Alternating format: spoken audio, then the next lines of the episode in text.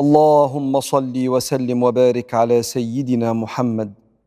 صلاة توصلنا إليه وتجمعنا عليه وتقربنا لحضرته وتمتعنا برؤيته ونحظى بعطفه ونفوز بمناجاته. اللهم اجعلنا من خواصك وأحبابك ومن الفائزين بعظيم عطائك. اللهم اجعلنا عندك في محل الصدق ورقنا في مراتب القرب فإنك يا مولانا نعم الإله ونعم الرب.